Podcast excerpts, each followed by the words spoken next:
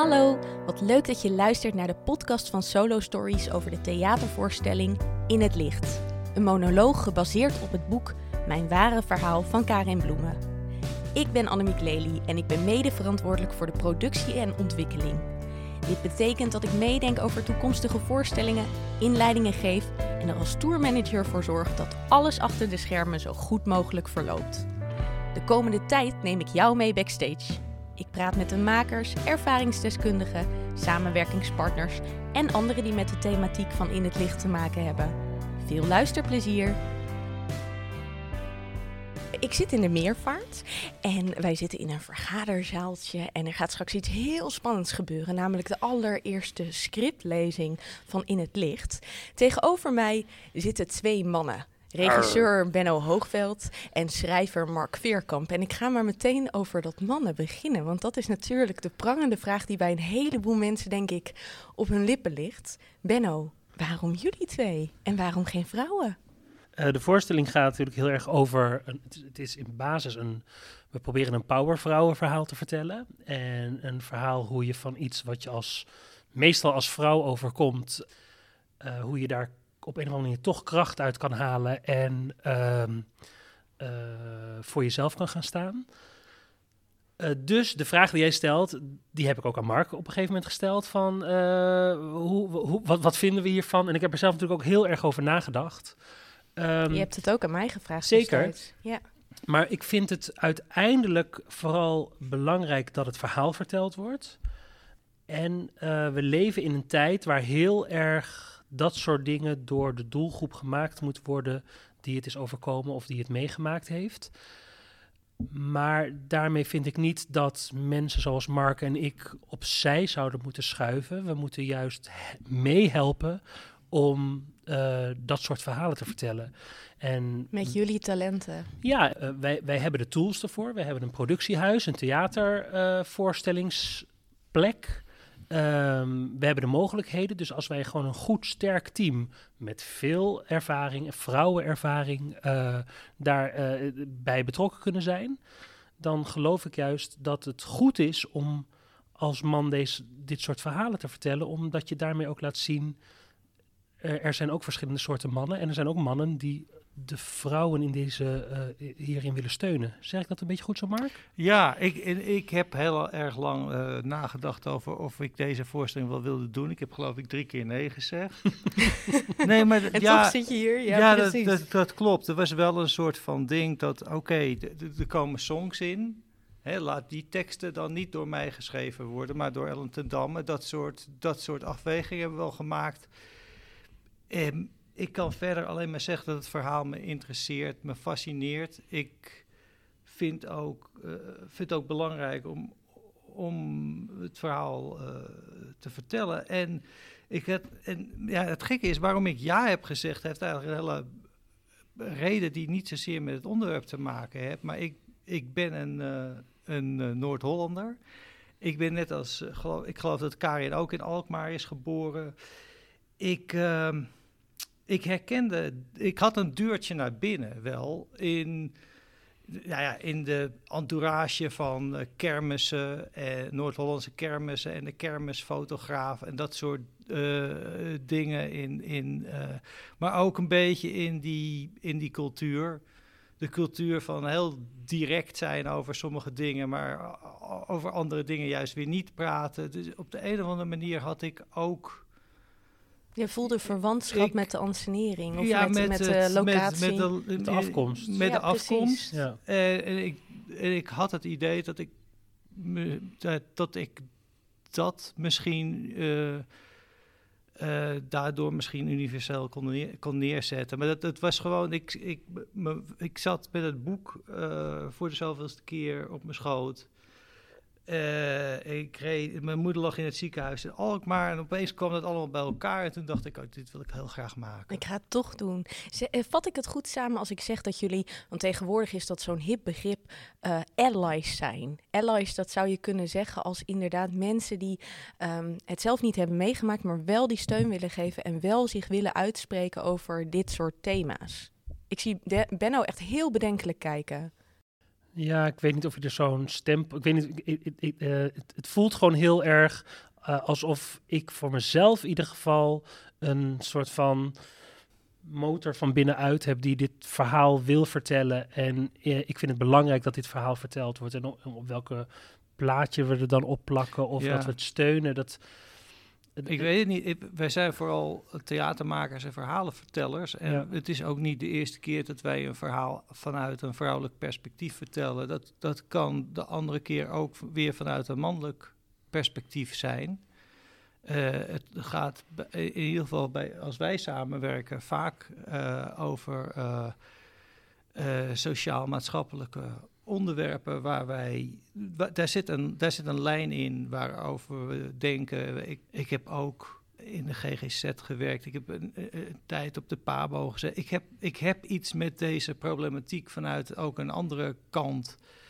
Ik hoef daar, ik, ik hoef niet zozeer een, eh, een term op te plakken. eh, ik. Laten we dan gaan naar hoe je je verdiept hebt in het onderwerp. Want, ehm, nou ja, ik vul het nu zo in, maar eh, als ik jullie zo hoor en als ik jullie zo ken, dan hebben Mm. jullie niet iets soortgelijks meegemaakt. Klopt dat? nee. Nee. Hoe verdiep je je nou in een onderwerp als dit? En dan ga ik eerst eventjes naar Mark toe, want jij wel, vertelde natuurlijk al van de locatie, de, de sfeer, die ja, ken ik. Dat, dat klopt. Maar de- er, is, er is één ding. Dit is wel heel erg duidelijk een boekbewerking. Als jij, als Benno was gekomen met de vraag van... maak een fictief verhaal over een incestsituatie... dan was het, dan was het echt nee geweest. Het waren dingen in het boek waarop ik, waarop ik aanging. Dus dat is, dat is wel een ja, heel nuance. duidelijk. Goed dat je het zegt. Ehm, het boek en Karin zelf zijn de leidraad. Daar, die, er zijn scènes. Het, het is misschien de meest getrouwe boekbewerking die Denk we ik maken. ook, ja. ja. Er zijn scènes echt gewoon letterlijk uit het boek in het script terechtgekomen. Dat wil niet zeggen dat we maar een beetje gecopy-paste hebben. Want je moet een context verzinnen. Je moet ehm, eh, de scènes aan elkaar verbinden. Ehm, Theater is een heel ander medium dan, dat dan klopt. literatuur. Dus ja. er, er, moest een, moest een vertaalslag gevonden worden. Dus dat, maar het is wel heel erg getrouw. En Karin leest ook mee. Dus, het, dus we zijn ook een keer in een eh krankcafé gaan praten met Karin en haar man en Ellen eh, erbij bijvoorbeeld over, over het onderwerp en dergelijke. Dus daar begin je al. Dat, we hebben een hoofdbron en dat is Karin. Nu moet, je, ja, nu moet je gewoon de materie heel goed begrijpen. Eh, en om meer inzicht te krijgen in de materie eh, die zo dermate complex is, eh, heb ik, hebben we aan Karin gevraagd van... Nou, zijn er mensen met wie je samenwerkt of die je goede bronnen vindt? Toen kwam zij met Team Kim, een organisatie. Daar zijn we mee gaan praten. Eh, ze raden ook eh, bijvoorbeeld het boek De Diefstal van Mijn Jeugd van eh Natasja Campus aan. Dat is, dat is een, een hele andere situatie, maar daarin dat gaat over iemand die ontvoerd is. Maar er zijn wel raakvlakken met, met aspecten uit het boek. Gaat een beetje te ver om dat nu uit te leggen. Ehm, we, we zijn ehm, gaan praten met Iva Bikasic, die, eh, die heel veel over dit... eh, Die spreek onder- ik ook nog later in de podcast. Ja. Dus, eh, ja. nou ja, die, die heeft ons ook van alles verteld. En, wa- wat wij, met name wat voor ons een, een moeilijk ding was, en daar heeft Karin ons later tijdens de scriptversies ook heel erg op gewezen, is dat wij, het is gek genoeg, de man in het verhaal, de dader, dat, dat is iets, dat, die, is, die is letterlijk en figuurlijk moeilijk te vatten. Hij is moeilijk eh, vorm te geven als personage, omdat wij het heel moeilijk te begrijpen vinden. Het is iemand voor wie seksualiteit, wat de meest. eh, seksualiteit tussen twee mensen is de meest wederkerige handeling die er bestaat. Je geeft terwijl je neemt. Die weet hij zo om te buigen dat, dat, hij met zwaar machtsvertoon eh, alleen maar neemt. En dat nog wel van een kind. Dat is een hele eh, heftige, eh, he- heftig iets om je in te verplaatsen. En ehm, in het stuk gaat de, de, de hoofdpersoon ook bevraagt enkele personages die we ook neerzetten als persoon. En om zijn taal goed te, kei- te krijgen en om zijn, eh, ja, daar, daar was, ja, wel, eh, zeg maar, dat, dat, dat was een lange zoektocht. Daar heeft Karin ook eh, Geholpen. heel erg in geholpen. Ja. Die heeft van, dit zei die en dat zei die. Dat zou hij absoluut nooit zeggen. Vooral Mhm. dat zou hij nooit zeggen. En, en ja, dat... Ja, we hebben ook. Ik weet nog dat wij. Dat, ik had een documentaire gevonden waarin een dader aan het woord kwam. En die heb jij ook gezien. En toen, Zeker. en toen heb je je terug dat je er absoluut niets mee kon. Ja, omdat het eh, gek genoeg is voor mij, maar ik zal eerst even op je eh, eigenlijke vraag antwoord geven. Voor mij is, een, is inhoudelijk. Ik kijk heel erg naar de voorstelling. Dat is het eerste wat ik doe. Mark doet veel meer research en gaat veel dieper eigenlijk in het onderwerp. Ik kijk alleen maar hoe gaan we dit vertheatraliseren. Dat is. ehm, eh, wa- want dat is mijn werk en dat is wat ik eraan moet doen. En dan ben ik heel blij met iemand als Mark die daar zo diep induikt. Ja, maar je was wel bij alle gesprekken. Zeker, zeker, zeker. Eh, maar ik, ik, ik, ik hoef daar niet in die zin diep over na te denken. Niet zo diep als jij. Behalve wat mij enorm altijd heeft gefascineerd, is de rol van de dader.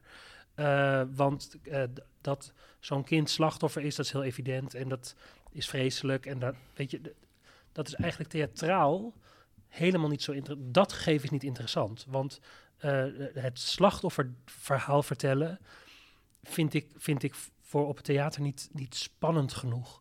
Maar waarom een dader doet wat hij doet, hoe een slachtoffer krachtig wordt, daar, daar wordt het theater. En dat is wat voor mij heel ehm, interessant is aan dit verhaal. Ja, want als ik jullie zo hoor, dan zou ik in eerste instantie denken: wat maakt dan dat het perspectief van Karin centraal staat? Tegelijkertijd, als ik, het, eh, als ik goed luister, denk ik ook van wat jij vooral op het laatst zegt, Benno. Het gaat niet zozeer over wat haar overkomen is, maar het gaat over het spel daarachter en hoe je daar uitbreekt. Precies. Klopt dat? Ja, Ja, het dat gaat klopt. over, over eigenlijk over leren praten waar je niet over kunt praten. Ja. Over je uitspreken. Dat is, Ja. dat is de thematische lijn. En dat is ook waar wij. En was dat een lijn die je al meteen ook had, Ja. Mark? Ja. Ja, dat is heel precies, gek. ja. Dat, dat hadden we volgens mij los van elkaar. Hè? Ja, zeker. Ja, want eh, voor mij, wederom vanuit theatraliteit gezien, is dan krijgt het personage een ontwikkeling en dan heb je een theatraal verhaal te vertellen.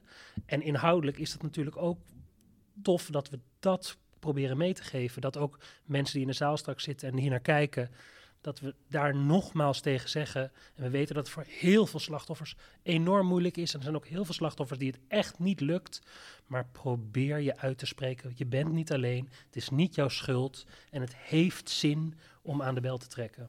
Ik Ja. zag toevallig gisteren een aflevering van Dream School waarin dat letterlijk gebeurt. En dan denk ik weer, zie je, kijk, dit is gewoon een letterlijk voorbeeld van waar we het over gaan hebben. Het moment waarop iemand het voor het eerst uitspreekt. Ja. Dat is zo'n kwetsbaar en krachtig moment tegelijkertijd. Ja, maar het is ook onmogelijk. Dat is, dat, de hele voorstelling, door de hele voorstelling zit een, een lied van Ellen.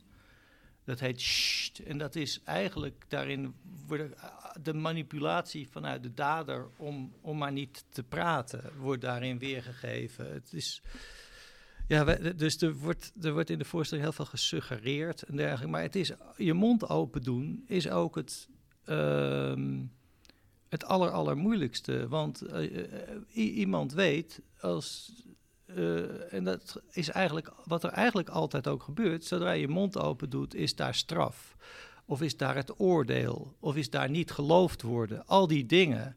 Dus het, het, is, eh, het is een, het is een, Het eh, schijnt zelfs ook in juridisch op, eh, aspect ook zo te zijn. Hè? Dat als je op een gegeven moment je mond open doet, dat je ook beschuldigd kan worden van smaad bijvoorbeeld. Dat, is, dat vind ik ook zo'n heftig idee. Dat je, je, je gaat ervoor staan, je gaat, je gaat uitspreken wat jou aangedaan Ja. is.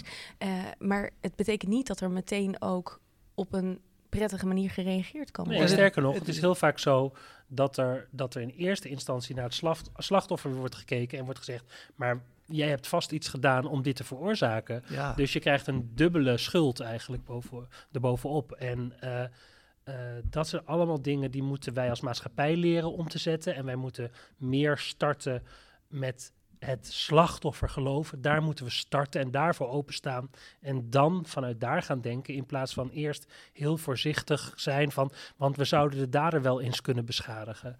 En dat is de, de, de cultuur waar we nu nog heel erg in leven. Eigenlijk daderbescherming zou je Ja, kunnen zeker. zeggen.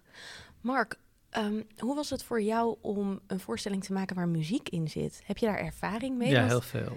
Ja? Oké. ik ben blij dat de muziek weer terug is. ik, Oh, ik, maak, ik, ik, eh, ik eh, werk eh, voor Theater Terra. Daar maken we kindervoorstellingen mee. En daar zitten altijd liedjes in. Dus, en ik heb, net een, ik heb net zelfs ook een bioscoopfilm met liedjes geschreven. Dus Kun je die- dan iets vertellen over wat muziek kan toevoegen? Waarom in deze voorstelling muziek Nou, moet? Dat, nou, dat, er zijn eigenlijk twee redenen. Ehm, ik moet eventjes een, een kleine nuance maken. Het- het- natuurlijk is Karin een powervrouw, maar Karin heeft ooit gezegd...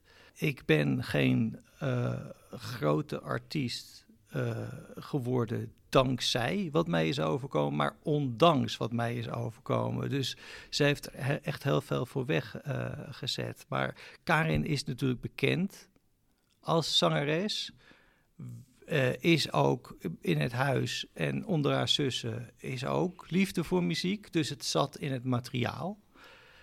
Aan de andere kant is het ook zo dat wij. Eh, dat er bepaalde eh, eh, gevoelens zijn en emoties die misschien niet zo goed te, te, ja, te beschrijven zijn in geschreven tekst of hè, in, een, in een monoloog. Je kunt deze monoloogvorm openbreken met die muziek en daar de allerlei onbenoemde emoties op een wat meer poëtische en metaforische manier weergeven. Dus dat is een. Het ja, is er, echt zijn een- een, eh, er zijn een aantal eh, regels dat 9 van de 10 keer zet je muziek in in een voorstelling op het moment dat er niet meer gesproken kan worden. Nou, dat is eigenlijk in deze voorstelling best eh, logisch dat dat gebeurt, want er gebeuren zulke heftige dingen dat het tof is om dat in een in muziek te gaan vertellen. Dus veel meer vanuit je gevoel in plaats vanuit je woordelijke hoofd. En eh, het andere probleem wat we eigenlijk hadden met deze voorstelling is dat we maar één acteur hebben. Dus zelfs als we de behoefte zouden hebben om een hele heftige scène op het toneel te zetten, heb je daar eigenlijk minimaal twee acteurs voor nodig. En anders moet je het theatraal gaan oplossen. En dan is het heel dankbaar dat we muziek hebben om dat theatraal vorm te geven. ja. Je zegt zelfs als we de behoefte hebben, die behoefte heb je dus niet. Om een hele heftige scène vorm te geven op het toneel. Ja, die behoefte Die heb ik wel, maar, wel maar in, wel, wel in, in theatraliteit. Ik, ik, ik, ik, ik, stel dat ik wel twee acteurs zou hebben, dan ga ik niet een scène maken met een oude man en een jong meisje en die gaan bovenop elkaar vreselijke dingen doen. Dat, dat, dat is me theatraal te plat, maar ik vind het gewoon zelf als mens ook te heftig om daarnaar te moeten kijken. Je bent altijd aan het zoeken als theatermaker naar... Nou ja, metaforen klinkt misschien te groot, maar Een in ieder theatrale geval... vertaling. Precies, Ja. dat is het. Ja, ik zoek naar andere woorden, Maar, omdat eh, voor jou ja, oh ja, theatrale ja, precies, ja. vertaling heel Is een metafoor, ja. Even precies, dit, want dit is, ja. dit is ook heel, de, de heftigheid zit er zeker in. De, de, de, Absoluut. De, de zit wij, wij doen tijdens de voorstelling heel veel met suggestie, omdat het gaat over eh, eh, niet durven spreken, de, de moeilijkheid om te spreken. Maar de, alles wat, eh, nou niet alles, maar een, een groot deel van wat eh, de dader heeft gedaan, wordt, wordt ook gewoon aan het eind in een heftige monoloog opgezomd. Precies. zit ook een, eh, een en, maar er zitten ook dingen in. Karin heeft ons daar wel bij geholpen. Die zegt van ja, zeg nou gewoon dat het over verkrachting gaat. Zeg nou gewoon dat het over neuken gaat.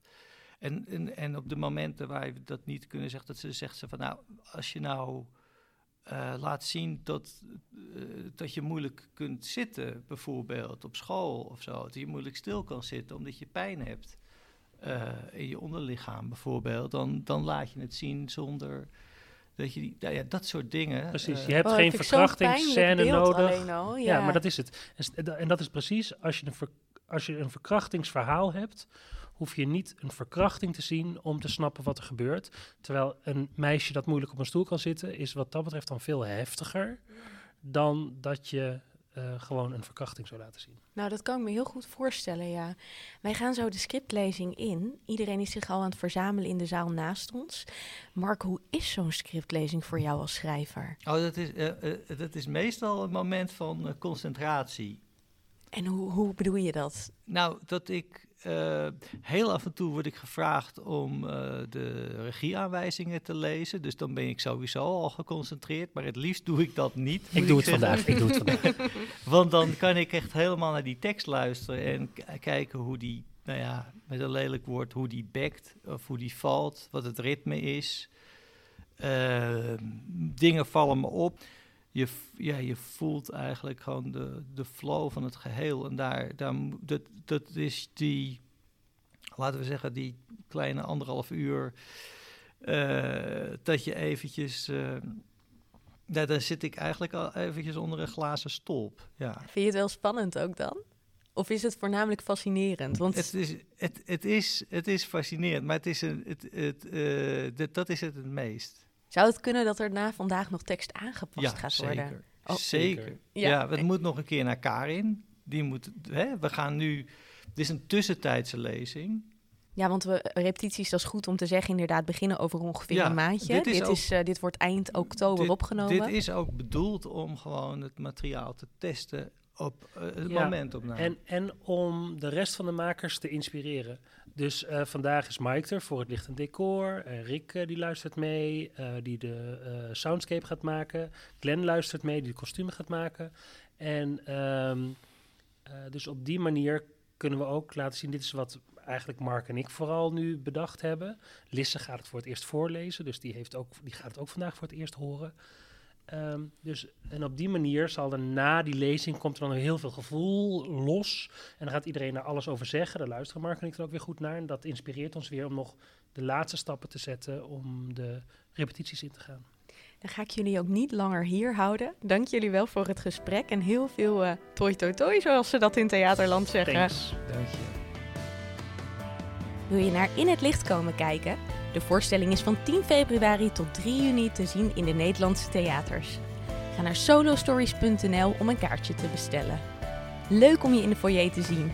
Kom je na afloop naar me toe om te vertellen wat je van de voorstelling vond? Of via onze socials? Tot dan!